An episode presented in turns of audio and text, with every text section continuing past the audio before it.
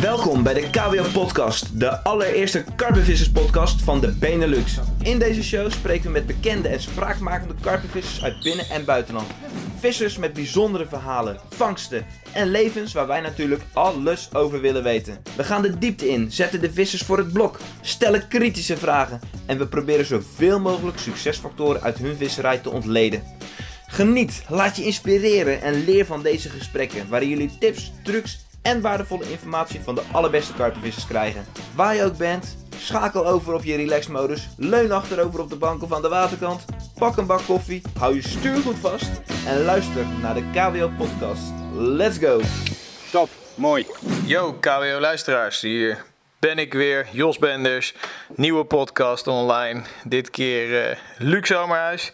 Denk een van de jongste vissers die we gaan uh, interviewen voor deze podcast.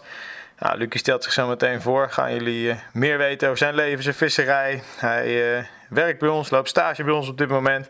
En nou ja, geeft tips, trucs, hoe hij zijn visserij ervaart. Leuk om te zien ook hoe de generaties verschillen tot nu toe natuurlijk wat oudere jongens geïnterviewd. We moeten zo meteen ook naar gasten die weer een generatie ouder zijn dan bijvoorbeeld Mark Hofman en Michiel Pilaar. Zo wil ik eigenlijk laten zien hoe elke generatie zijn visserij op een unieke manier beleeft. En uh, nou ja, waar die jongens hun uh, kennis, tips en trucs vandaan halen. Maar je ziet er ook wel heel veel gelijkenissen, heel veel overeenkomende, ja, hoe zeg je dat, factoren waardoor die gasten dus ja, succesvol zijn in hun visserij. Ga lekker zitten. Geniet van uh, nieuwe podcast. We zijn weer erin geslaagd om over een uur heen te gaan. Het gaat altijd zo mega snel als je eenmaal aan het praten bent. Maar goed, hoop dat jullie het leerzaam vinden. En mochten jullie vragen hebben, Luc Zomerhuis, je kunt me benaderen via Facebook. Laat in de comments weten wat je ervan vond. Of als je nog vragen hebt, stel ze daar. Chill, geniet ervan en luister naar mijn gesprek met Luc. Oké okay, Luc, we starten met de eerste vraag. En yes. het gaat over jouw leven.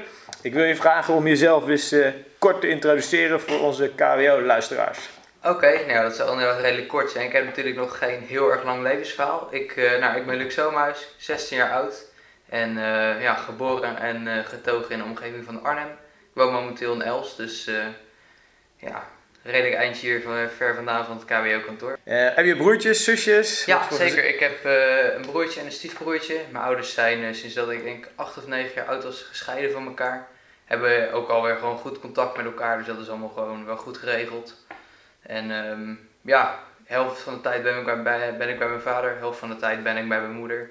En um, ja, dat is eigenlijk mijn thuissituatie. En liggen die, uh, liggen die twee woningen uh, bij elkaar? Of heb je daardoor ook twee nieuwe visgebieden? Of hoe? Nee, nee. Mijn ouders wonen allebei gewoon in Elst. Zelfs, uh, ik denk op drie, vier minuten fietsafstand van elkaar. Dus aan de ene kant fijn, aan de andere kant... Nou, als je ouders verder van elkaar wonen, heb je inderdaad andere visgebieden erbij. Maar ik ben er eigenlijk wel blij mee dat het gewoon zo dicht bij elkaar ligt. Oké, okay, en wie van je ouders is de lul en daar liggen je vispullen?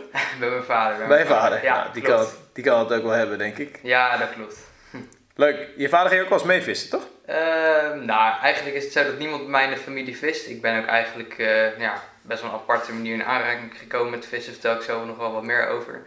Maar uh, nou, zo nu en dan, één, twee keer per jaar ga ik wel eens een hengeltje uitgooien met mijn vader. En zelfs heb ik mijn moeder ook een keer zover gekregen om een keertje mee te gaan. Dus ja, dat is af en toe wel gezellig. Maar die gaan inderdaad gewoon voor de gezelligheid, want het zijn zelf geen vissers. Nee, absoluut niet. Ik denk ook okay. echt niet dat ik mijn moeder er blij mee kan maken om een keer een nacht buiten te slapen. Dat gaat hem echt niet worden.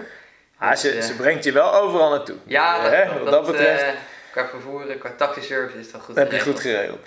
Je gaf het net al aan. Um, hoe ben je dan in godsnaam in contact gekomen met het vissen überhaupt? Ja, dat is best wel een grappig verhaal. Toen mijn ouders net waren gescheiden, heb ik een tijdje uh, met mijn moeder en mijn broertje heb ik uh, ook in Elst gewoond.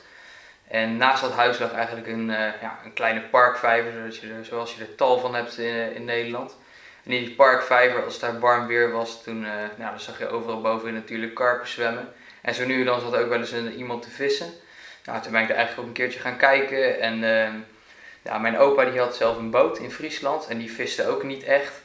Maar um, nou, zoals bijna iedereen met een boot heeft hij ergens onderop wel een oude stoffige hengel liggen. Dus die hebben toen van hem gekregen. En nou, om je een idee te geven, dat is uh, een, een werphengeltje met een uh, 2500 molentje met uh, 4000 nylon erop. En ja, toen daar een keer bij de lokale hengelsportzaak, bij de dierenwinkel, een dobbertje en alles gekocht met hem. Toen ben ik er zelf gewoon een beetje gaan, gaan prullen aan het vijvertje. En eh, op een dag kreeg ik zowaar aan die hengel een of andere mega graskarper eraan. Ik geloof uh, nou, dat hij meer bijna een meter was. En uh, achteraf bleek, denk ik ook wel nou, richting de 30 pond te gaan. Nou, als klein jochie van, nou ik denk dat ik toen 9, misschien 10 jaar oud was. Natuurlijk veel te groot om te tillen. En ehm, ja, sindsdien was ik eigenlijk verkocht van het vissen.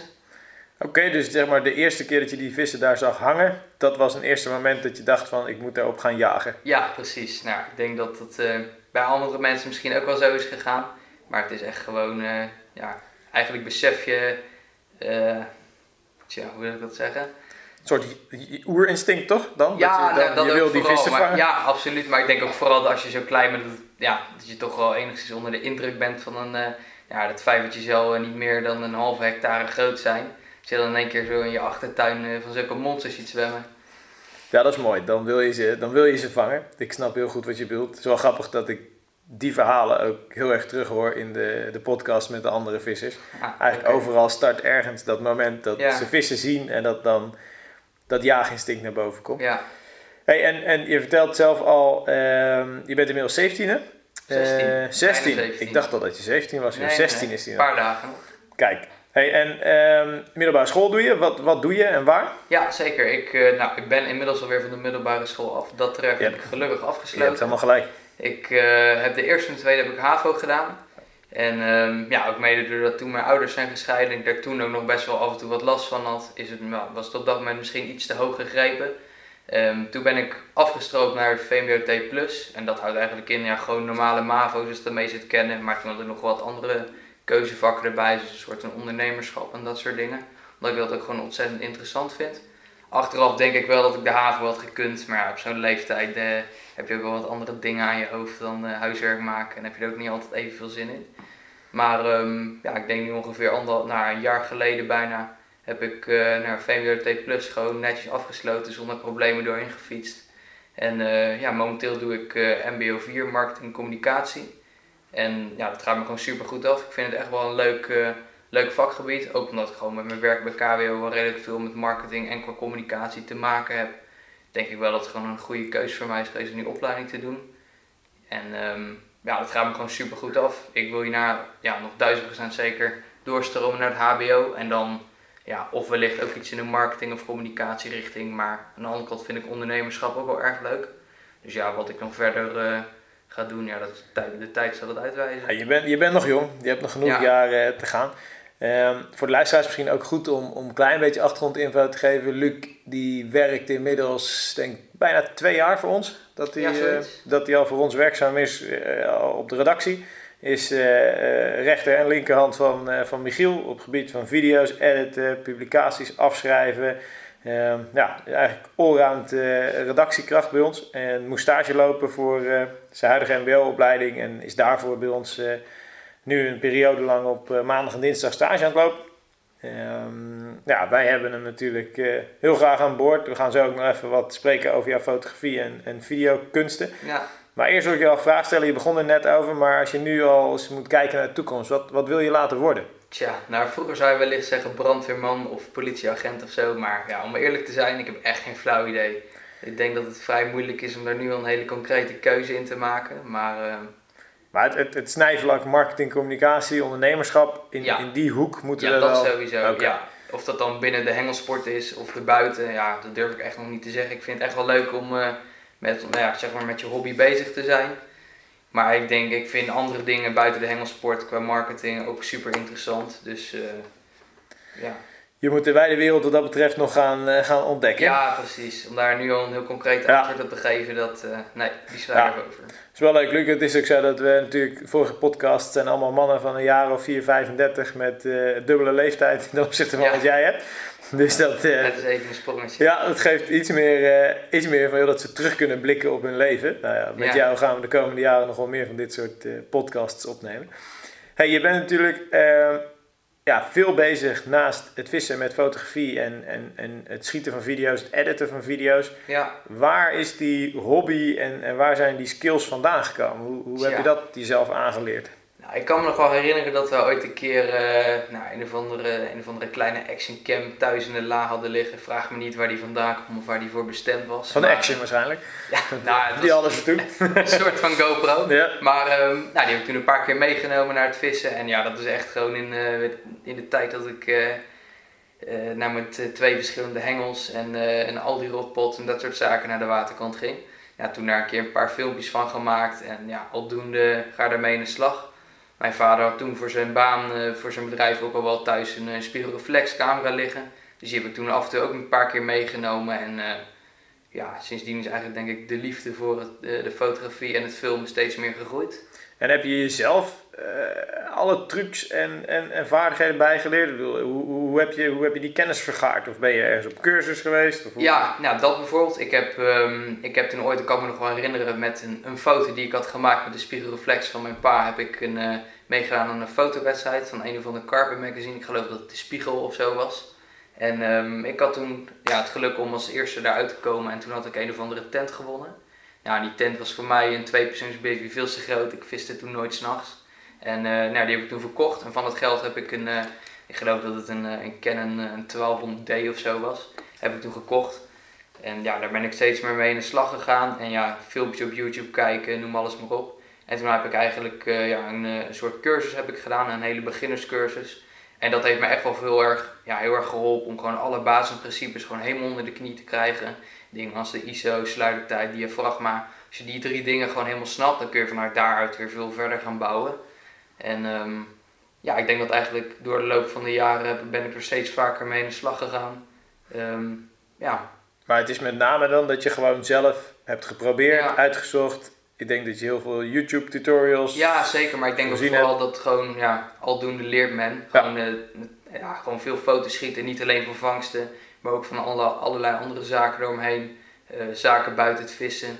Ja, als je gewoon al die dingen gewoon steeds vaker gaat oefenen, ja. dan, uh, ja, aldoende leert men, dan leer je steeds meer bij. En even voor de technische boys eh, onder de luisteraars, eh, eh, fotografeer en schiet je video's met dezelfde camera op dit moment? Of heb je aparte? Nee, nou ik heb eerst heel erg, uh, heel erg veel plezier gehad, ook gewoon van, uh, ik heb eerst dan een, een 1200D gehad, toen later een stapje geüpgrade naar een ander Canon model waar ik zowel filmde mee filmde als foto's mee maakte. Maar wel spiegelreflex? Ja, wel, wel altijd spiegelreflex. Dat is ook gewoon puur om de reden. Dus, nou, je kan je objectieven wisselen. Ja. Uh, je kan van allerlei dingen zelf instellen.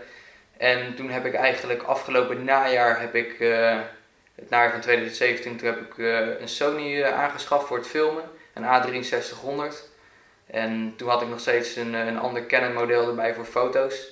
En ja, inmiddels is dat Canon model ook weer geüpgrade naar een 6D.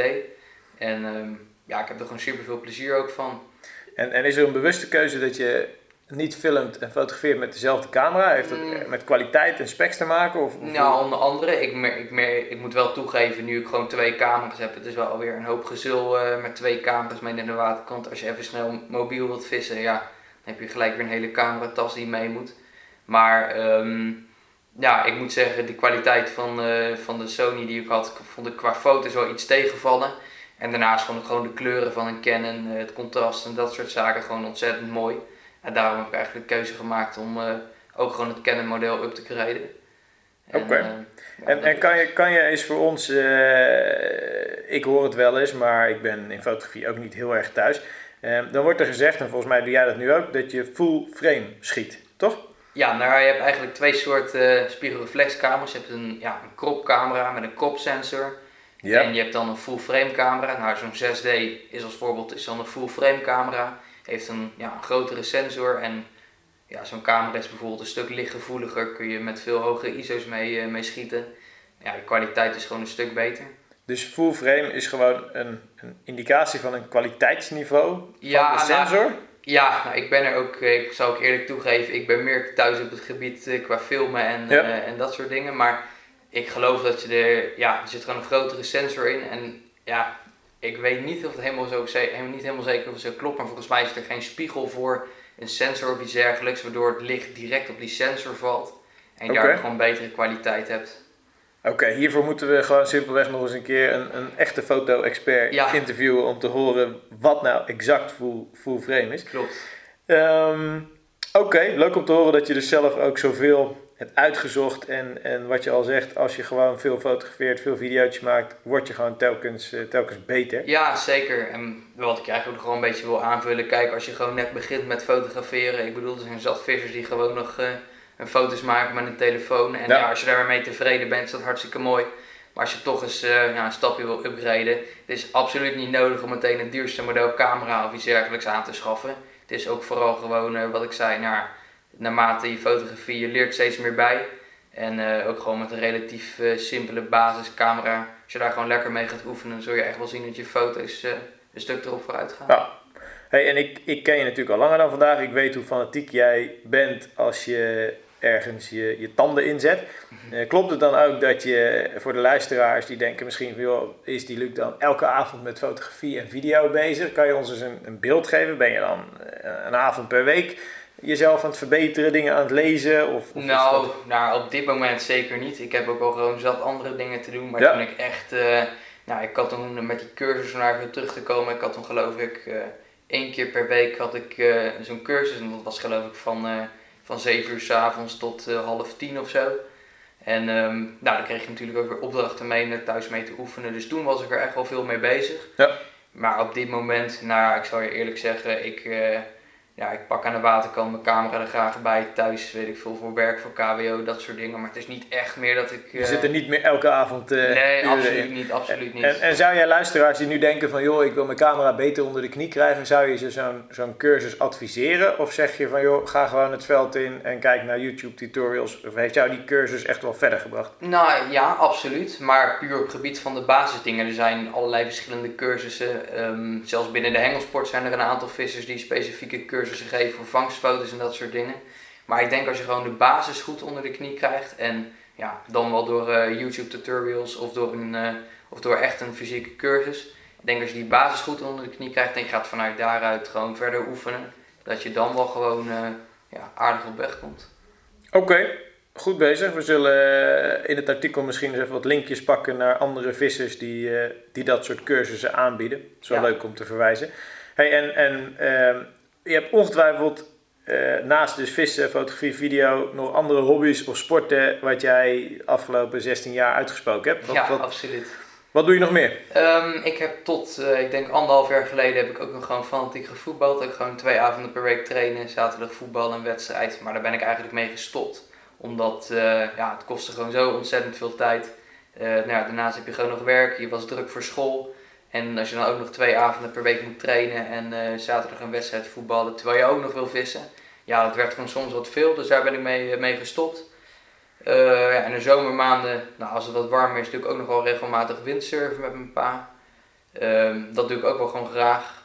En ja, verder op dit moment niet echt een hele specifieke Focus op je, op je visserij. Ja, klopt. En ehm, heb jij, als je kijkt naar je periode op de, op de middelbare school, heb je altijd even fanatiek gevist? Of heb je periodes gehad waarin je dan weer volle bak ging? Of, of jaren dat je nou. misschien zelfs helemaal niet hebt gevist? Nee, absoluut. Ik heb eigenlijk wel gewoon ehm, de hele middelbare school ook gewoon nu nog gewoon ja, volle bak gevist. Tuurlijk zijn er altijd mensen die er wat van vinden. En ja. uh, het is niet de meest coole hobby die je kan hebben. Maar ja, eigenlijk ik heb er altijd wel een beetje boven gestaan en gewoon lekker uh, wezen vissen. En uh, Nee, ik heb nooit echt een, uh, een break erin gehad. Leuk. En heb je dan in je omgeving in Els heb je vaste vismaten? Of vis je vaak alleen? Of hoe, um, ja, nou ik heb zeker wel door de jaren heen wisselende vismaten gehad. Ik vis nu bijvoorbeeld uh, regelmatig nou, met vismaatje van mij met Lars. Daar kan ik het goed mee vinden. Maar ik vis ook zeker gewoon een groot gedeelte van de tijd alleen. Ik denk dat dat zo'n 50-50 is. Beide heeft zijn voordelen. En um, ja, dat is het eigenlijk wel. Oké. Hey, we gaan naar uh, het tweede deel waar we inderdaad wat meer op, op die visserij in willen. We hadden net al, al een bruggetje van joh, vis je dan alleen of, of met een maat. Je geeft aan dat je dan uh, eigenlijk soms met, met Lars vis, maar ook regelmatig alleen. Ja. Uh, je hebt natuurlijk nog niet je rijbewijs, je bent druk bezig, dat weet ik. Klopt. Ehm, je bent dus een beetje beperkt in, in, in de afstanden die je kan maken. Ja. Hoe, hoe ziet jouw visserij er dan uit in je eigen omgeving? Hoe, hoe, hoe vaak ga je, wat voor water kies je, hoe kom je er? Hoe... Ja, daar om uh, eerst even in te springen over hoe, op hoe kom je er. Nou, ik heb gewoon een fiets en ik heb uh, een fietskar. En uh, ja. ik heb gewoon een rugzak en een, een klein voederaaltje met hengels met wat scoopjes erin. vis, je dan, vis je dan nachtjes met die outfit? Nou, of vis je nee, vooral, ik vis, eh, sowieso niet, ik vis sowieso niet heel veel s'nachts. Ik denk dat ik vorig jaar eh, nou, maximaal 20 nachten heb gevist. Dit jaar is wel iets wat ik het, eh, wel, wel regelmatig een nachtje wil gaan vissen, dus wel iets meer. Maar ehm, dan heb ik ook gewoon gelukkig hele lieve ouders en vooral een hele lieve moeder die me altijd al eh, wel even Haalt en brengt. kan. Ja, zeker. Maar verder gewoon eh, ja, compacte, compacte uitrusting, een rugzak met erin alle spullen, voederaaltje mee, onthaakmat achter op de fiets. En, En, eh, en- en vis je dan liever, eh, vis jij dan hele dagen of vis je juist ochtenden of avonden? Wat zijn Nou, voor ik jou ben de- altijd wel redelijk fanatiek. Ik ben eigenlijk ja, mijn hele visserscarrière altijd wel vroeg uit de veren gegaan om te vissen. Dus meestal, ik vis wel vaak gewoon, eh, maar daar zullen we straks ook nog wel later op ingaan. Ehm, wel meestal gewoon op voorbereide stekken. En over het algemeen heb je dan ja, niet heel veel tijd nodig om een aanbeet te krijgen als een vis er ligt. Dus vaak zijn het wel kortere sessies. Vind jij En, ehm, de, eh, de vroege uren, zijn die vaak productiever bij jou? Of zijn dat vaak de, de, de schemering of, of echt beginavond? Mm, Ja, het verschilt wel per water. Ik heb op bepaalde wateren echt wel gehad dat ik gewoon bijvoorbeeld zelfs de hele dag door gewoon eh, bij wijze van spreken met 30 graden om 1 uur 's middags gewoon heel goed vis ving.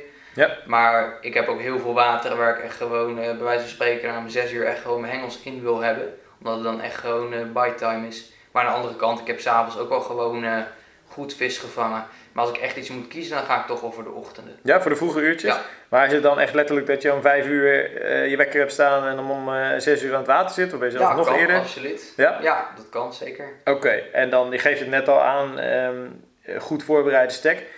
Hoe ziet een goed voorbereide stek voor jou eruit? Wat doe je om hem goed voor te bereiden? Nou, allereerst gewoon locatie. Je moet sowieso gewoon vissen waar de vis zit. En het is waarschijnlijk een quote die eh, naar de afgelopen podcast al eh, vaak zat voorbij is gekomen. Maar eigenlijk komt het er wel op neer, dus ik herhaal hem maar al te graag.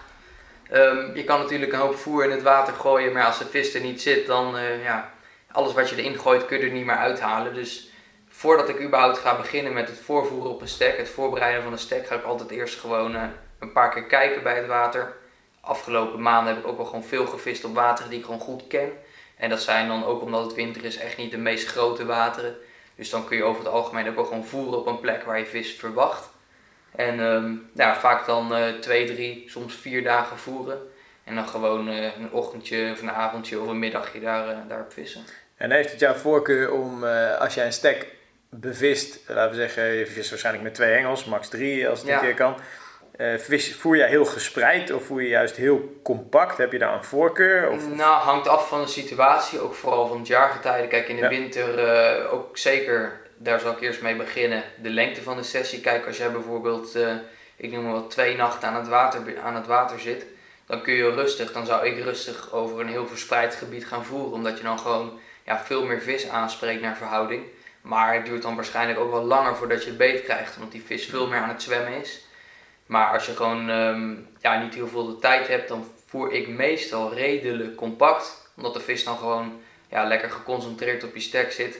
En dan krijg je over het algemeen wel redelijk snel beet. en is dat dan met de werpbuis? Of Ja, kan. Wat, wat gebruik jij om dan compact te voeren? Eh, nou, als ik echt op afstanden compact voer, kan zijn een voerboot. eh, ja, een werppijp kan. Maar als je last hebt van zijwind of dat soort zaken, ja, dan is het toch niet meer, niet meer heel erg nauwkeurig.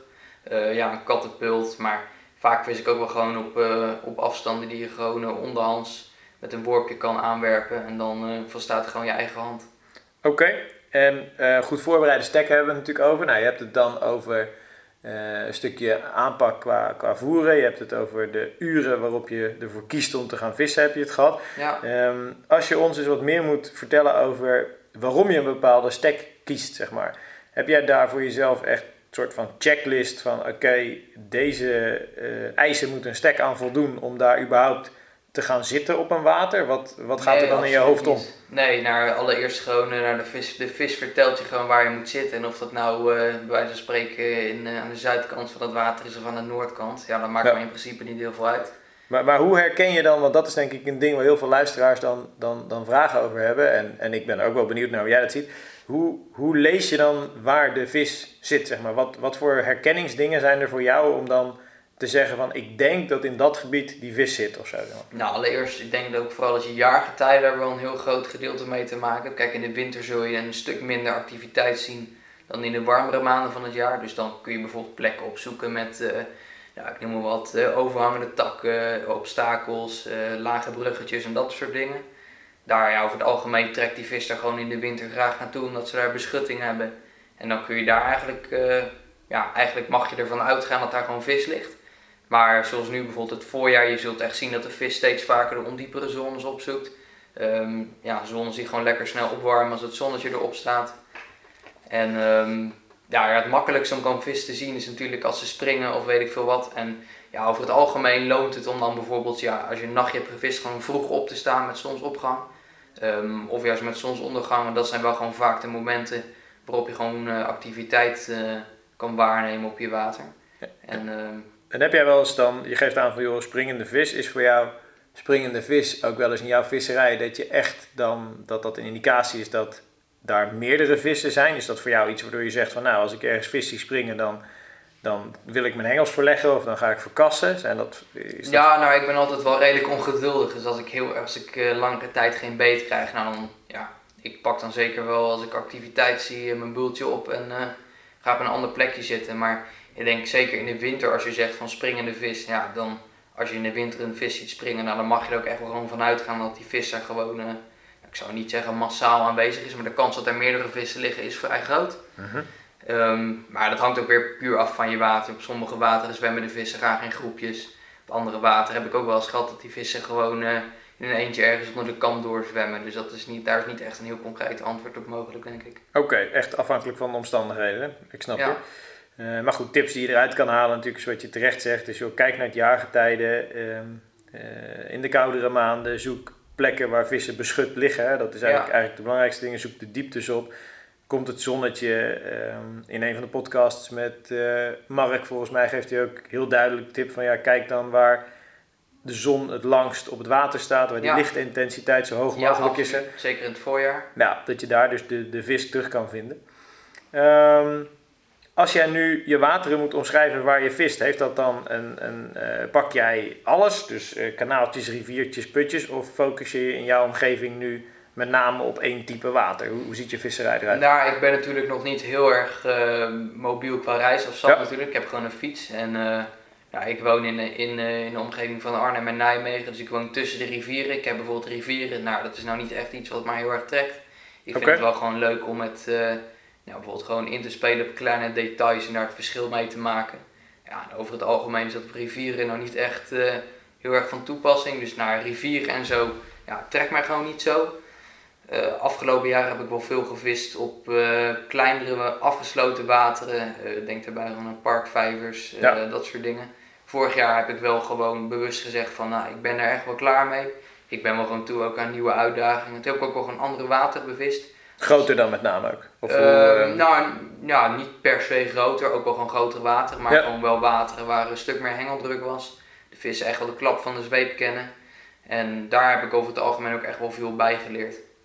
Oké, en, en heb je afgelopen winter doorgevist? Ja, uiteraard zeker. Mijn, uh, mijn vissershart dat blijft gewoon kloppen in de koudere maanden. Dus ik denk wel bij de meeste van ons. Maar um, ja, in de winter kies ik dan wel weer om een stapje terug te doen en uh, weer naar kleinere uh, parkwateren en dat soort zaken naartoe te gaan. Ja. Omdat daar gewoon, ja, de kans op vissen is daar waarschijnlijk een stuk groter dan, door, dan wanneer je een of andere laag bezette put aanpakt met dieptes tot 20 meter. Ja, ik zeg niet dat het onmogelijk is, maar het is in ieder geval... Meer uren maken voor vis waarschijnlijk hè? Ja, ongetwijfeld. Het is ook wel gewoon belangrijk om in de winter lekker je motivatie te houden als je af en toe een visje kan vangen. Ja. Ik heb in de winter bijvoorbeeld nou, regelmatig gevist ook gewoon op kleine, kleine stroompjes, op kleine riviertjes. En um, ja, dat zijn wel gewoon uh, wateren waar ja, het water blijft daar relatief iets langer op temperatuur. Het vriest niet echt dicht. En um, ja, de vissen zijn daar over het algemeen ook wel iets meer in beweging omdat je gewoon stroom hebt. Ja, dus meer kans op vis dan op een put waar de watertemperatuur natuurlijk uh, ja, naar beneden gaat als het uh, als flink diepte Ja, en bijvoorbeeld ook nu tijdens het voorjaar. Um, ik kies nu ook echt gewoon bewust om, om diepere wateren aan te pakken. Je zult heel vaak zien dat er best wel wat gasten zijn die meteen zoiets hebben van, ah, het is buiten een keer 20 graden, kom, we gaan naar het water, gooi er emmers voer in. Maar over het algemeen, je moet echt niet vergeten dat de watertemperatuur gewoon nog hartstikke laag is. Ja. En ja, zeker de diepere wateren warmen ontzettend langzaam op. Ja, maar we zitten nu natuurlijk uh, bijna eind april en afgelopen zaterdag waren we op de Koperen Plas. Uh, water van een hectare of 8, wel diepteverloop en volgens mij was het oppervlakte een graad of 12. En, Ja, klopt. Volgens mij 13 of zo. eh, ja, en als je een paar meter diepte al had, dan ging je al naar een, eh, een 8 graden bij wijze van spreken. Ja. Ja. dat, dan, dan heb je een idee hoe koud dat eigenlijk dus nog is, hè? Ja, zeker. En om je een idee te geven, nou ja, de vissen die er werden gevangen kwamen ook echt van een relatief ondiepe Ja. kant van het water waar de vis gewoon lag.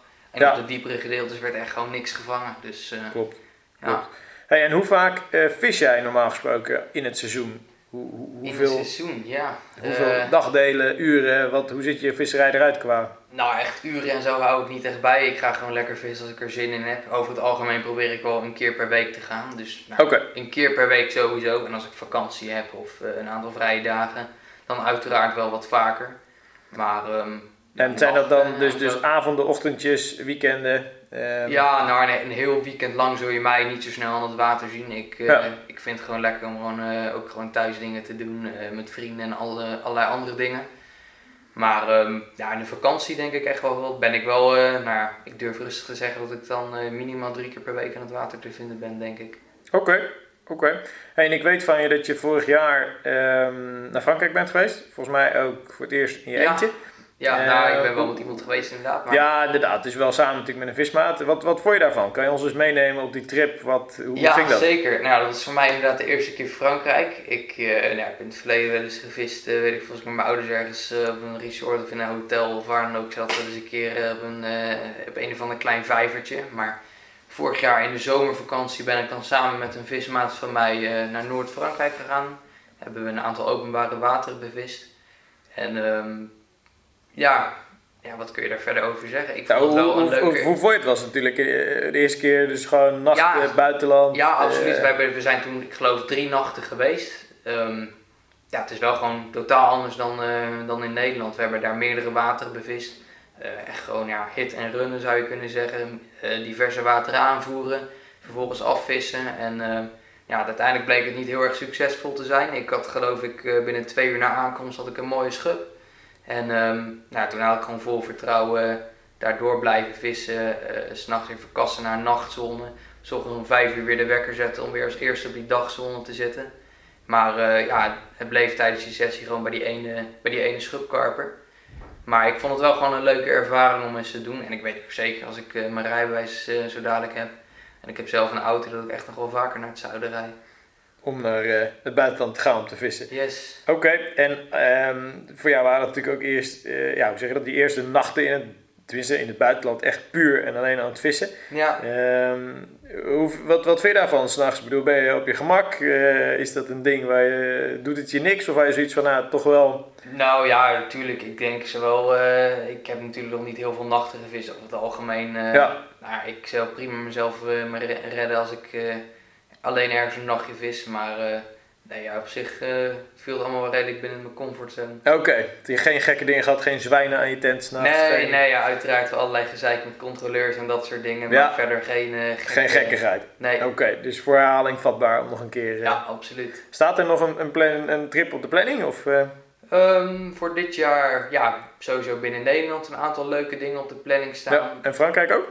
Nee, volgens, volgens nog niks concreets voor het buitenland. Oké, nou, wie weet kan het veranderen. Volgens mij gaan er zat jongens van ons nog en... eh, Ja, zeker. Dat, kan je daar eh, zo... eh, maar ja, goed, je hebt natuurlijk je, je opleiding, hè, je school je naartoe. Ja, Tien keer belangrijker dan dit.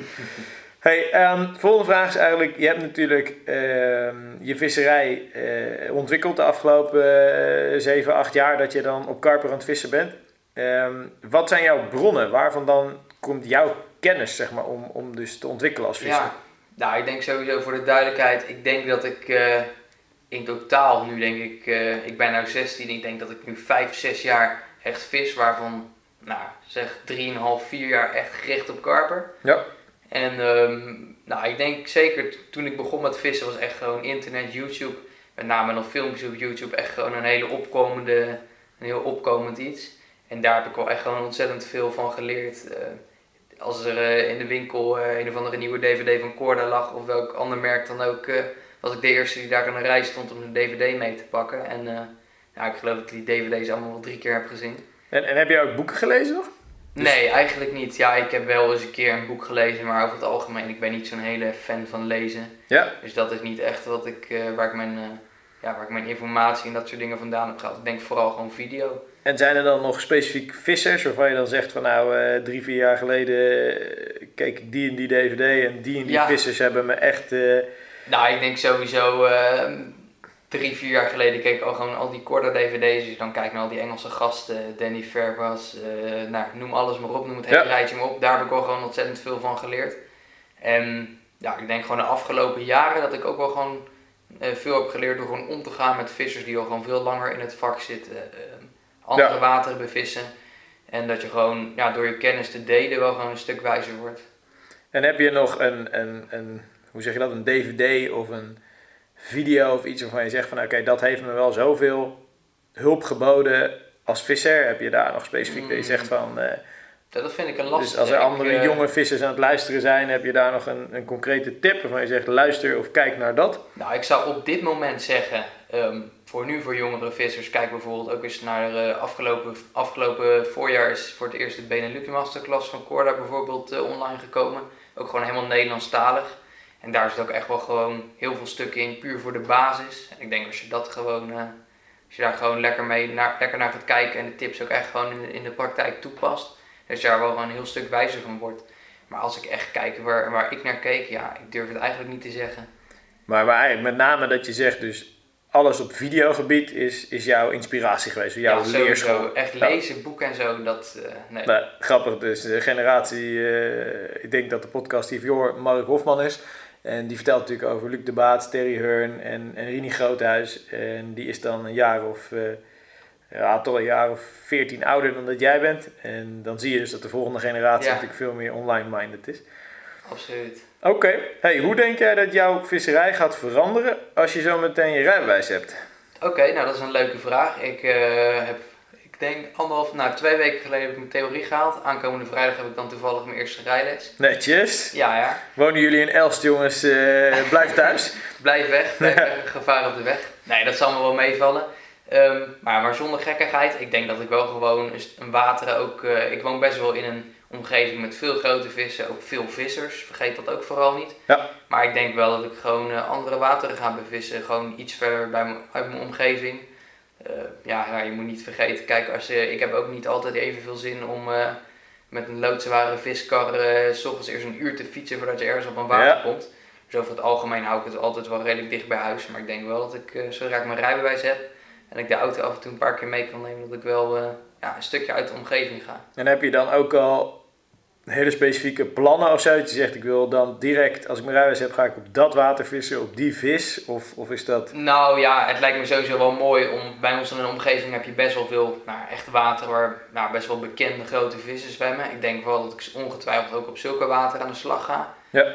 En, maar ja, ja, en sowieso ook wel gewoon een paar keer naar Frankrijk of eh, waar dan ook naartoe. Ja, maar heb je al echt gewoon, mijn volgende vraag die gaat daarover, hey, ik wil je eigenlijk vragen of je dus een, target visser bent. Heb je dan al vissen in je hoofd die bij jou in de omgeving zwemmen van je zegt, ja, als ik dan zo meteen mijn rijbewijs heb, dan moet ik die vis vangen?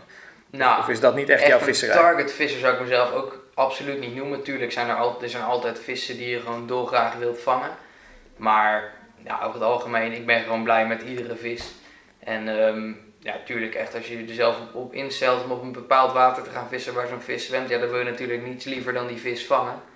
Maar ja, vooralsnog, ik heb niet echt eh, een vis in mijn hoofd van die moet ik vangen als ik zo dadelijk mijn rijbewijs heb. Oké, je geniet gewoon van de aantallen, van de actie. Ja, Dat, zeker. ja, kijk. begrijp me ab- absoluut ook niet verkeerd van een grote vis op zijn tijd. Tuurlijk, wil, Iedereen je, natuurlijk blij. wil iedereen, maar je Ja. hebt niet specifiek dat je zegt van oké, hij mag één keer in het jaar afgaan als het maar die vis is bij Nee, nee, nee, nee. Dat is daar niet ik jouw... eh, ongelukkig van worden. dat is niet eh, jouw één visserij. keer in het jaar afloopt. Nee, dat eh, absoluut niet. Oké. Hey, volgende vraag is: in welk onderdeel van jouw visserij investeer jij de meeste tijd en energie? Oké, ehm, de meeste tijd en energie. Nou, ik denk dat dat grotendeels voorbereiding is. Omdat ik wel gewoon vaak kan korte sessies vis, zorg ik er wel eigenlijk gewoon voor dat eh, ja, zodra ik aan de waterkant ben, dat ik mijn hengels eh, gewoon direct steuntje in de grond prikken, hengels uitwerpen en zitten vissen. Zo snel mogelijk. Ja, zo snel mogelijk. Dus dat eh, betekent gewoon thuis de richtbox helemaal vullen. Ehm nou, weet ik veel, bij wijze van spreken, PVA-zakjes al geknoopt, aas klaar, richts klaar. Zodat ik echt gewoon aan de waterkant kom, de richter aan te hangen, direct uitwerpen. Dat soort zaken. Ja, dus dat is Daar besteed ik eh, veel tijd en energie in. En ja, verder ook gewoon. Ik zou niet heel snel iets zeggen dat iets voor mij te gek is. Kijk, ehm, heel vroeg opstaan om, eh, weet ik veel, ergens eh, als eerste aan het water te zijn, dat is voor mij allemaal gewoon niet te gek. Ik, eh, nou, ik doe alles wel gewoon natuurlijk met de fiets. Dus ik zou niet zeggen van eh, ik ga heel het land door om ergens te vissen. Maar ja, ik durf wel gewoon te zeggen dat, ja, hoe zeg ik het? Ik heb gewoon genoeg motivatie om Om in ieder geval geen grenzen te hebben wat dat Nee, betreft. klopt, zeker. Binnen het redelijke. Ik snap Nee, dat je niet om precies. eh, Ik heb 1 niet- uur eh, s s'nachts naar Rotterdam gaat fietsen. Nee, Maar- inderdaad. Maar je bent er niet vies van om om half vijf je wekker te zetten. En, nee, eh, absoluut. Dat maakt me echt niet uit. kijk. Nee. En je zegt dan natuurlijk, eh, je geeft het net al aan, je fietst natuurlijk, dus je, je uitrusting is zo compact mogelijk. Ja. Heb jij het afgelopen seizoen een aankoop gedaan of één product waarvan je nou zegt van nou, dat is echt in mijn visserij een, een meerwaarde geweest. Ik, ik, ik ben zo blij dat ik nu, dat nu heb en ik zou niet meer zonder kunnen. Heb je, heb je daar... Nou, eigenlijk meerdere producten. Ik denk sowieso in, eh, in de winter van 2017 heb ik mezelf eh, heb ik een setje dan kortere hengeltjes aangeschaft. Ja. En dat is sowieso wel echt gewoon ideaal. Ik durf, ik, sinds dat ik die hengels heb, heb ik mijn langere 12 voet hengels ook echt gewoon nooit meer gebruikt. Want dat vis je nu 9 of 10 voet? 9 voet, 9 9 voet. voet. 9 voet scoopjes. Ja. En ja, dat is echt gewoon ideaal. Qua lengte en alles, het scheelt zoveel. Ja. Voor ook met je transport is natuurlijk en gewicht en Ja, lengte. absoluut. Ja, Oké, lekker, dat snap ik. Ja, en verder ook wel gewoon ehm, qua luggage. Kijk, je kan eh 30.000 en één tasjes bij je hebben voor dit en voor dat. Maar als je gewoon zorgt, eh, ik heb gewoon één rugzak waar ik alles bij in doe. Steunen, aas, eh, mijn cameratasje, eh, nou ja, noem alles maar op. Alles zit daarin. Ja, zo kun je ook gewoon eh, lekker makkelijker snel vissen.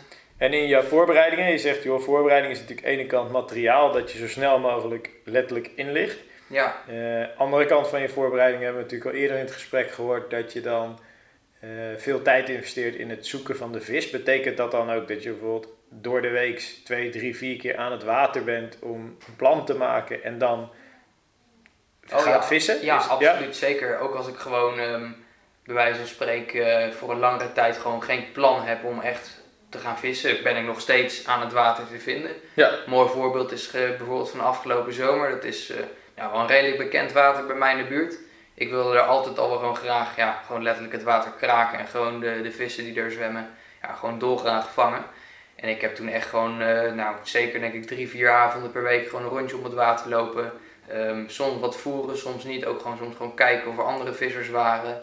Eh, spreken met andere vissers, noem alles maar op. Maar puur om gewoon voor jou een zo goed mogelijk plan te maken van oké, ik ga zaterdag vissen. Waar ga ik dan, wat voor stek ga ik kiezen? Waar leg ik mijn hengels neer? Ja, Dus, dus dat hele voorbereidingsplan, dat loopt eigenlijk al... Dus als jij zegt, Ja, ik, steek, ik steek heel veel energie en tijd in mijn voorbereiding, ja, dan is dat hele stuk... eh, Je zou niet op een zaterdagochtend wakker worden en denken, oh vandaag ga ik eens daar vissen of zo, zeg maar. Nou ja, Dat dat gebeurt- gebeurt ook echt wel hoor. Ik vis ook echt wel gewoon genoeg instant sessies. En ook wel eens gewoon eh, spontaan van, ah, ik ga even een middagje daar en daar vissen. Ja, Absoluut. Maar over het algemeen eh, kan ik wel stellen dat gewoon mijn visserij voornamelijk wel gewoon zich afspeelt gewoon op ja, voorbereide stekken. Ehm, dus je Ja. weet waar je terecht komt. En Ja, is, het, is, het, is het druk bij jullie? Heb je wel eens dat dat eh, misgaat omdat je stek simpelweg bezet is? ja, zeker. Ik geloof, ik, ik eh, haalde het daarnet ook al aan. Ik woon echt wel in een regio waar gewoon veel grote vissen zwemmen. Ja, Veel bekende wateren. En ja, dat betekent ook gewoon veel, eh, veel vissers. Ook echt gewoon de gasten uit Engeland, af en toe uit eh, België, uit Duitsland. ja. Overal komen ze vandaan. Dus ja, af en toe heb je ook wel gewoon dat je plan in duigen loopt. En dat, eh, Dat je even plan B moet eh, Ja. activeren. En- maar en- soms is dat ook wel gewoon weer niet erg. Want eh, het is me ook wel vaak zat gebeurd dat dan uiteindelijk vangen nog een paar mooie vissen. ja, Dus eh, klopt. Dan is het minder zuur. Hey, en heb jij, ehm want jij hebt natuurlijk inmiddels, ook al ben je nog maar 17, wel een bekende kop in het wereldje.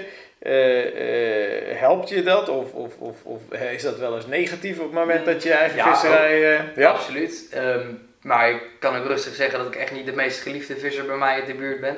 Ja? Ik vraag me ook niet precies hoe het komt. Het zou dan, eh, ermee te maken hebben dat ik eh, ja, zo nu en dan wat publiceer. En eh, Ja? ja, ik kan ook wel van mezelf zeggen dat ik over het algemeen wel wat meer vang dan de gemiddelde visser Mhm. bij mij. Ehm nou, bepaalde zaken helpt het ook wel. Nou, veel mensen kennen mij natuurlijk. Ja, Maar ik denk ook echt wel, nou, als mensen hier aan het water zien, eh, nou, het kan heel leuk zijn van, oh, ik maak even een gezellig praatje met die en die. Maar het kan ook echt wel zoiets zijn van, wat heeft die hier nou weer te zeggen? Ja, natuurlijk. dit. Dat ze bang zijn dat hun geheimen worden prijsgegeven. Ja, zeker. Ja, ja begrijp ik. Ja, zo heeft die bekendheid inderdaad zijn voor- en zijn, zijn, zijn nadelen. Je geeft net al aan hem, eh, kijk, als je voor jezelf zou moeten uitleggen aan luisteraars wat jij de belangrijkste reden vindt waardoor je, denk ik, meer dan gemiddeld vangt. Wat, wat is dan voor jou, waar zit hem dat dan in, denk jij? Als je moet uitleggen, als iemand tegen jou zegt, joh, ik vang niet goed, jij vangt goed, wat is nou de belangrijkste reden? Wat doe ik fout en wat doe jij anders? Wat, Ik denk dat het eigenlijk meerdere punten zijn. Ik denk ook eigenlijk allemaal op punten die ik net ook al heb aangehaald. Maar ik Ja. denk vooral dat niet heel snel iets te gek is voor mij. Kijk, op heel veel wateren is het bijvoorbeeld, eh, tenminste dat is bij mij zo, dat je gewoon 's ochtends vroeg gewoon goed vis vangt. En als je dan ergens bij wijze van spreken op zondagochtend eh, eerst thuis gaat lekker zitten ontbijten, heb je door je gemak om 10 uur uit de auto stapt bij het water. Ja, het, ja, het is niet ondenkbaar dat ik dan alweer op de terugweg ben naar huis. Ja. Om het maar zo eh, te zeggen. Ja. Er is niet heel snel iets te gek voor mij. Dat, ehm, Dus het is uit die comfortzone en eigenlijk alles in het teken van als jij verwacht dat die vis 's ochtends om 6 uur actief is, ja, Of dan vijf ga ik gewoon uur, lekker dan om zes ga uur je. vissen, absoluut. Ja. dan ben je er.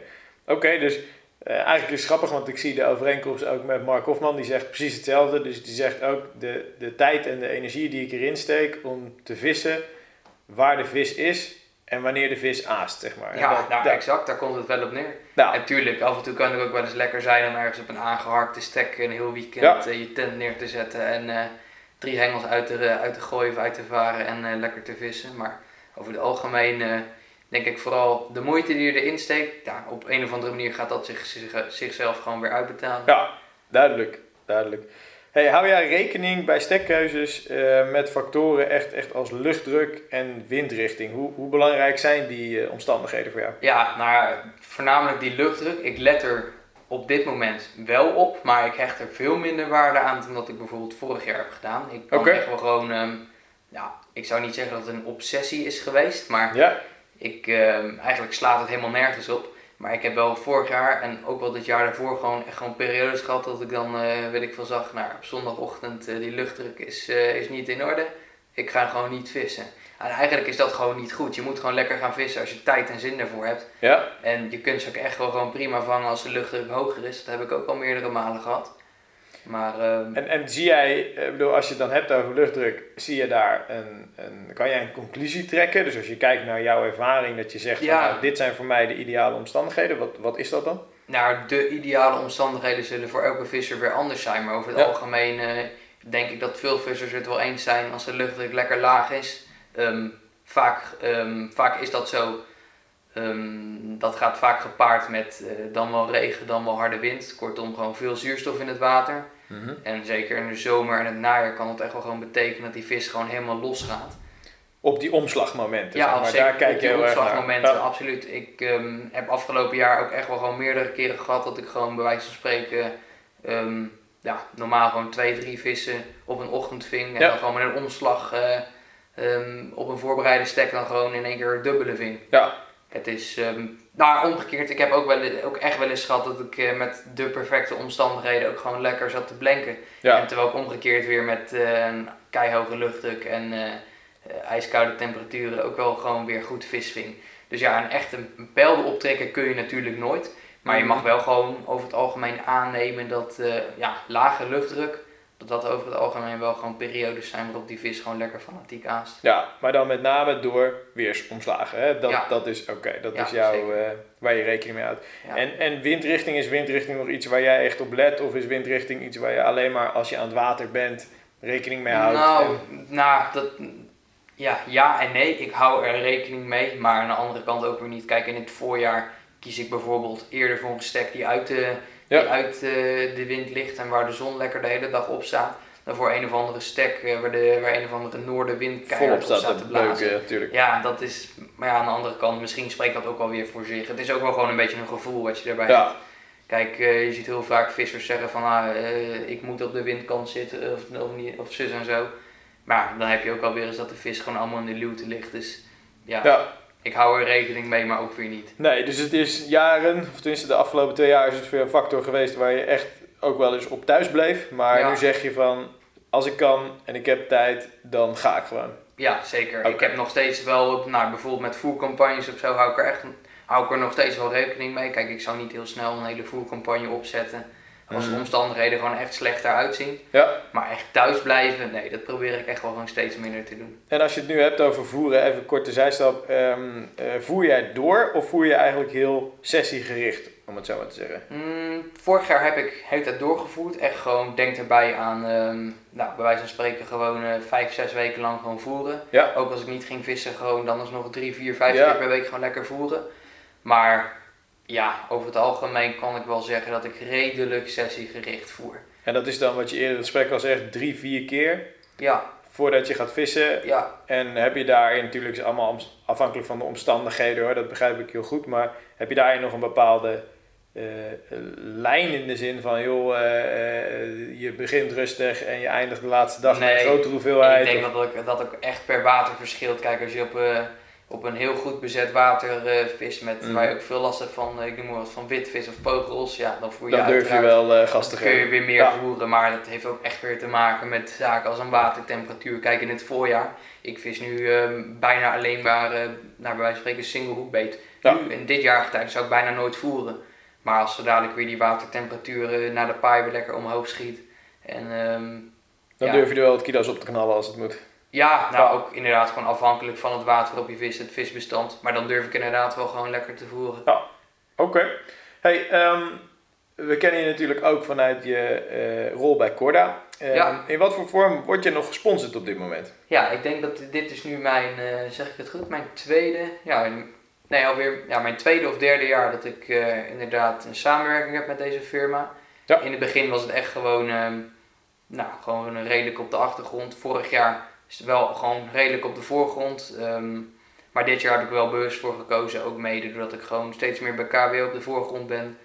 Om wel gewoon een stapje terug te doen. Ik ben nog steeds, heb ik gewoon een samenwerking met Corda.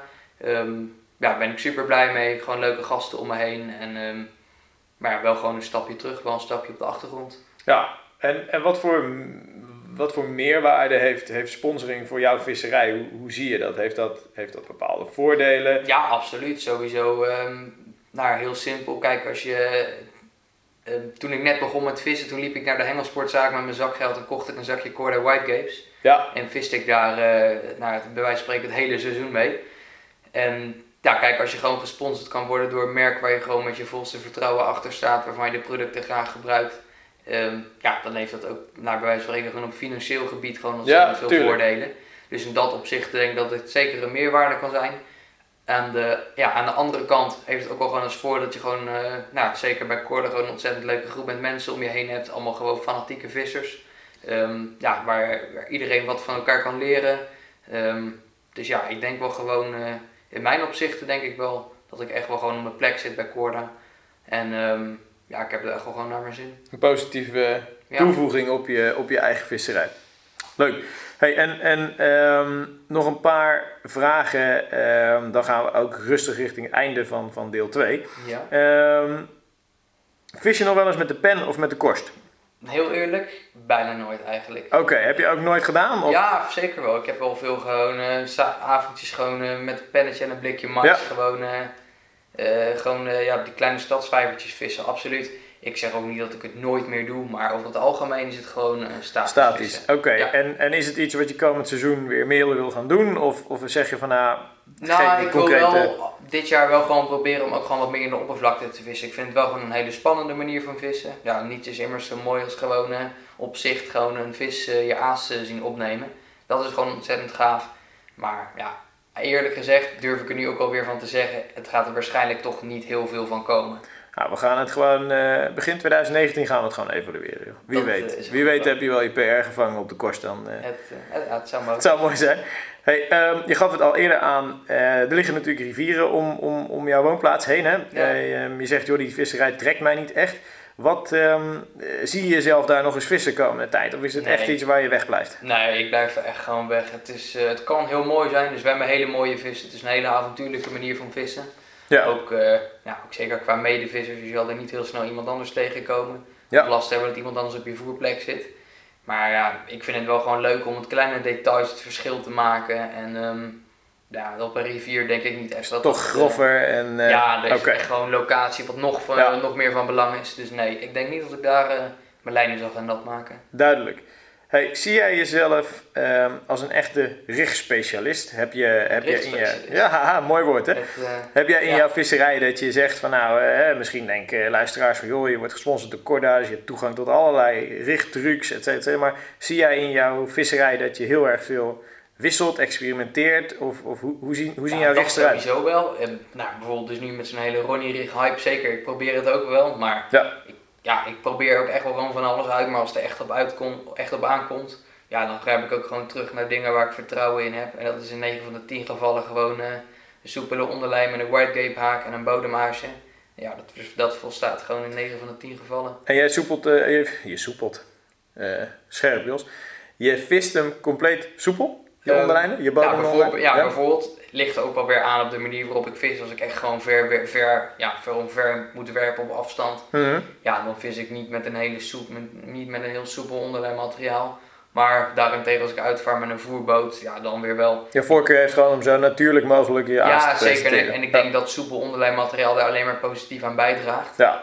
En ehm, ja, En, en heb, heb, je dan, heb je dan, dus je hebt eigenlijk dat je zegt van joh, eh, eh, gewoon eh liner, liner, richt waarschijnlijk, bodemaasje Ja, is, is, is je standaard methode. Daarnaast zal je wat experimenteren met Ronnie rigs en, en shots misschien af en ja toe. nou, shots is voor mij niet echt meer experimenteren. Zeker in het voorjaar gebruik ik dat gewoon, hartstikke graag. zit gewoon standaard in je... ja, absoluut. Ja, ja, zeker. En, en heb je dan eh, nog, nog hele kleine tips, trucs met betrekking tot bijvoorbeeld een shotrig waarvan je zegt van jongens probeer één dit ding is of dat. Nou, één ding sowieso, dat is gewoon kleine pop-ups gebruiken. Je ziet heel vaak eh, Ja. ehm, nou, in een hengelsportzaak eh naar aasfabrikanten, Mainline, CC Moore, Ja. Noem alles maar op. Naar, en al die potjes zitten 9 van de 10 keer gewoon 15 mm pop-ups. Mhm.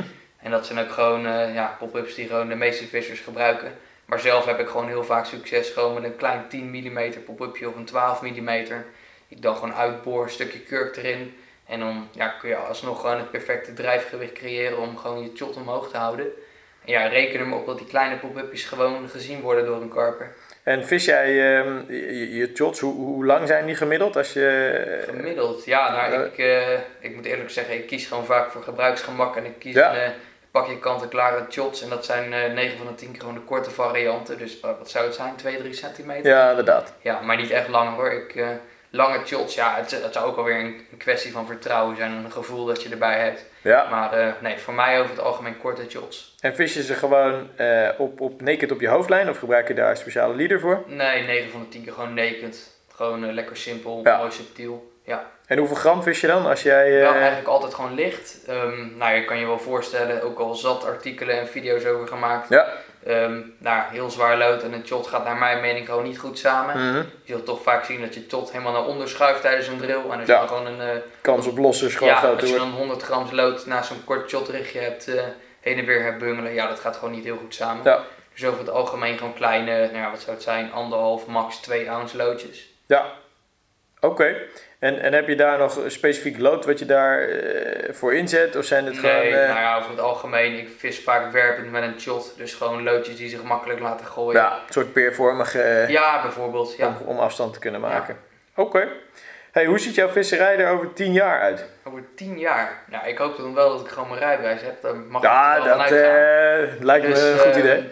Nou, ik denk sowieso nog wel gewoon bij mij in de buurt. Als al die straal zich wel steeds verder uitbreidt. Want ik hoop dan dat ik toch wel wel mijn buiten heb eh, kunnen maken. Ja. Veel water in mijn omgeving. En ehm, Ben je dan nog net zo fanatiek, denk je? ja, ik mag het hopen van wel. Oké, ja, het is wel doel. zal dat uitwijzen natuurlijk. Ja, Ja, en ik denk zeker ook wel gewoon eh, Frankrijk. ja, Dat eh trips zoals Mark maakt, nou, acht weken naar Carchen of zo. Nou, dat is voor mij misschien ook iets te veel. ja. Maar nou, gewoon regelmatig een keer naar het buitenland voor een paar nachtjes, dat, dat lijkt me wel wat. En als je over buitenlandvisserij hebt, is het dan echt Frankrijk waar je in eerste instantie naartoe wil? Of heb je ook andere Nou, landen? waar- bijvoorbeeld zoals eh, Slovenië, het meer van Bled. Ja, Ja. Dat is echt gewoon een, eh, een, een mega gave omgeving om te vissen. Dat is ook echt wel een van de wateren waar ik gewoon, gewoon een keer wil gaan vissen. Maar ja, als je aan het buitenland denkt, dan denken de meeste carpvissers toch meestal van Oh, in Frankrijk. eerste instantie aan Frankrijk. Nou, ik Dus, hoop eh, eh, ja. dat je pa een tankpas heeft. Dan, eh, Ja, dat komt wel goed hè. Hey, ehm, concrete visdoelen voor 2018. We hebben het al even over gehad eerder, Ja. maar heb je echt voor jezelf nog concrete plannen? Zeker, absoluut. Ik denk dat iedere visser dat wel heeft. Nou, voor mij is het in ieder geval, eh, zodra het water weer lekker op temperatuur is, ga ik vissen op een, eh, ja, op een wat groter en wat lastiger water bij mij in de buurt. Ja, Ook, nou, ik denk ook wel bekend bij veel vissers. En ehm, ja, dat, daar hoop ik toch ook wel gewoon succesvol te zijn. Hoop mooie vissen te vangen en ja, hopelijk ook mijn record iets eh, aan te scherpen. kijk. En waar eh, is natuurlijk even wat, eh, wat, wat, wat big talk, hè? Waar, waar, waar sta je op? Waar wil je naartoe? Nou, de meeste vissers zullen denken 17,5 kilo, dat is wel heel erg weinig. Ja, Het is gewoon een mooie vis. Ja, zeker, absoluut. Nou, je moet ook, ook zo bedenken, kijk, ik heb gewoon een fiets en ehm, Ja. echt naar die hele grote big fish water, ja, ik, ja, dat is voor mij ook gewoon onbereikbaar. Ik heb afgelopen jaar redelijk wat, redelijk wat dertigers gevangen, maar ja, helaas ging de naald van de weegklok nooit verder dan, ik geloof, 17,3 kilo. Ah, dan Dus, dit jaar eh 20 kilo, eh, is dat een Ah, doelstelling van je? Het zou wel mooi zijn, ja. Kijk. Het dan wel een van de dingen die ik... eh, Ik noteer hem ook voor de evaluatie van volgend Yes. jaar. Hey, wat vind je tot nu toe het gaafste stuk dat je zelf voor KWO hebt gemaakt? Oeh, nou dat zijn eigenlijk wel meerdere dingen. En dan gewoon echt een artikel of een video. Ja, wat jij wil. Dus eh, dat, dat je zegt van joh, als je nu luistert en je wil wat meer denk- te weten komen ja. over Luc, eh, check dan bij ons op KWO. Ik denk dat ik dan eh, ga voor het artikel dat ik heb gemaakt over het vissen met plastic haka's. Ja, ik ken hem.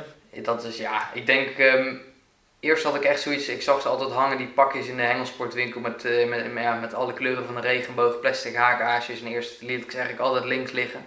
Maar ehm, na een sessie vorig jaar met een goede vismaat van mij. ehm, die eigenlijk al heel wat jaartjes met plastic vis, ben ik toch overstag gegaan. Toch ook eens een paar van die pakjes aangeschaft. Ja, als je dat echt gewoon een serieuze kans gaat geven, ik ben er echt van overtuigd dat je zelf ook echt mega fan ervan wordt. Hoe, ehm, wat is exact de titel van het artikel, weet je dat? Ehm, ik geloof iets van de kracht van plastic haka's of zo. Of nee, plastic haka's onmisbaar met visserij. Dat Kijk. Dat nou is- jongens, dus even op KWO rechtsboven, zoekbalk. Yes, en dan, eh, nou plastic, ik denk dat je hem op zoekterm plastic wel kan vinden. Ja, Publicatie van Luc van afgelopen jaar. Ik heb hem zelf ook gelezen. Ik moet heel erg zeggen, ik heb het ook, het plastic haka's, maar ik heb het nog niet ingezet. Maar voor dit jaar ligt een, eh, kan toch niet? Gewoon doen. gewoon doen, duidelijk. Ik, eh, als ik niks vang, kom ik bij jou terug. Dat is goed. Moet ik wel eerst gaan vissen, maar dat, komen we later Ja, dat, eh, dat ook nog. Ehm, hey, wat kunnen KWO's van jou verwachten in 2018 op KWO? Heb je al... Oeh, nou ik denk sowieso wel op videogebied wat, wat meer. Afgelopen jaar ben ik redelijk, nou ja, die heb ik niet heel erg veel tijd gestoken in het video's maken puur voor mezelf. Ehm, nou, vooralsnog is het dit jaar ook wel vrij, vrij lastig, want je moet het ook zo zien. Kijk, als ik, eh, ik ben redelijk druk bezig met video's editen gewoon voor KWO. Denk Ja. daarbij aan eh, de Crescent video's, Ehm, ja, allerlei andere dingen. En dan is het, heb je af en toe ook niet heel veel zin om gewoon nog voor jezelf eh, Ook weer te allerlei filmen. dingen te gaan Ja. editen en noem alles maar op. Ik film nog steeds echt wel gewoon veel, maar de motivatie om er ook iedere keer weer wat van te maken is ook niet altijd aanwezig. Maar sowieso gewoon video's, ja, Video's zijn belangrijkste in 2018. sowieso. Ja, daar eh, zullen de luisteraars eh, zeker op zitten te wachten. We hebben onlangs weer onderzoek gedaan en iedereen vond het strak om nog meer video's te zien. Nou, dat is mooi. We zitten alweer eh, over het uur. Het is ongelooflijk. We gaan ook naar deel 3 van deze podcast, Yes. On The Spot. Luisteraars weten het inmiddels wel die de afgelopen podcasts geluisterd hebben. We gaan Lucie eens even on the spot zetten en kijken wat hij kiest. Yes, Niet politiek antwoord. antwoorden, gewoon kort en wat je gevoel je ingeeft. We starten. Canon of Sony? Hmm, dat is meteen een lastige. Eh Canon voor foto's, Sony voor film. Ah, diplomatiek is die hè. Video editen of artikel schrijven? Editen, sowieso. Zaterdagavond stappen of zaterdagavond vissen? Vissen. Fotograferen of filmen? Weer zo'n lastige, hè? Hmm, Gewoon direct. Fotograferen. Fotograferen. Shot of bodemrig? Bodemrig. Gevlochten of nylon? Nylon. De karperhoeven of het broek? De karperhoevenbroek naar de karperhoeven. Een onbekende 19 kilo vis of een bekende 24 kilo vis? Eh, eh, op dit moment bekende 24 kilo. Ah, hij gaat voor de kilo's. Slappe of strakke lijnen? Afhankelijk van de situatie, maar 9 van de 10 keer slap. En dan eh, eindigen we gewoon met Ronnie Flex of Justin Bieber. Ronnie Flex. Netjes, netjes, Ronnie Flex.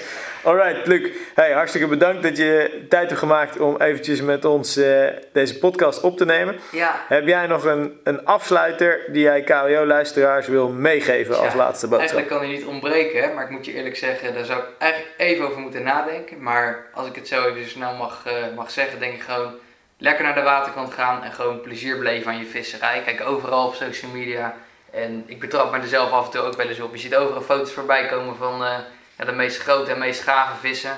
Maar ja, uiteindelijk gaat het nog steeds gewoon om je plezier in je eigen visserij. Gewoon lekker doen waar je zelf eh, plezier aan beleeft. En dan eh, komt het vast wel goed. Vast een mooi seizoen tegemoet. Wijze woorden, Luc. Ik denk dat toen Michiel 17 was, toen zat hij nog in Zeeland op de Mosselboot. Dus ik denk ook.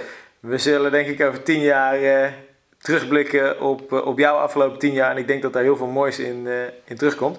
We gaan Luc gewoon over een jaartje nog een keer doen. En met een dag of 14 zijn wij zelf weer terug met een nieuwe visser. Waar we weer eens eh, hem wat lijf gaan vragen. Kijken wat die voor een mooi levensverhaal heeft. Dus dag of 14 zijn we weer terug bij jullie jongens. Hoi hoi! Hoi! Zo, dit was hem. Hopelijk hebben jullie genoten van deze KWO-podcast. Nou, en wil je genieten van nog meer verhalen en avonturen? Bekijk dan een van de honderden updates die inmiddels voor je klaarstaan op de KWO-community. Vanaf 4,95 per maand ben je member en krijgt onbeperkt toegang tot alle vette films, artikelen en video's. Daarnaast scoor je ook nog eens dikke kortingen bij de diverse partners van KWO.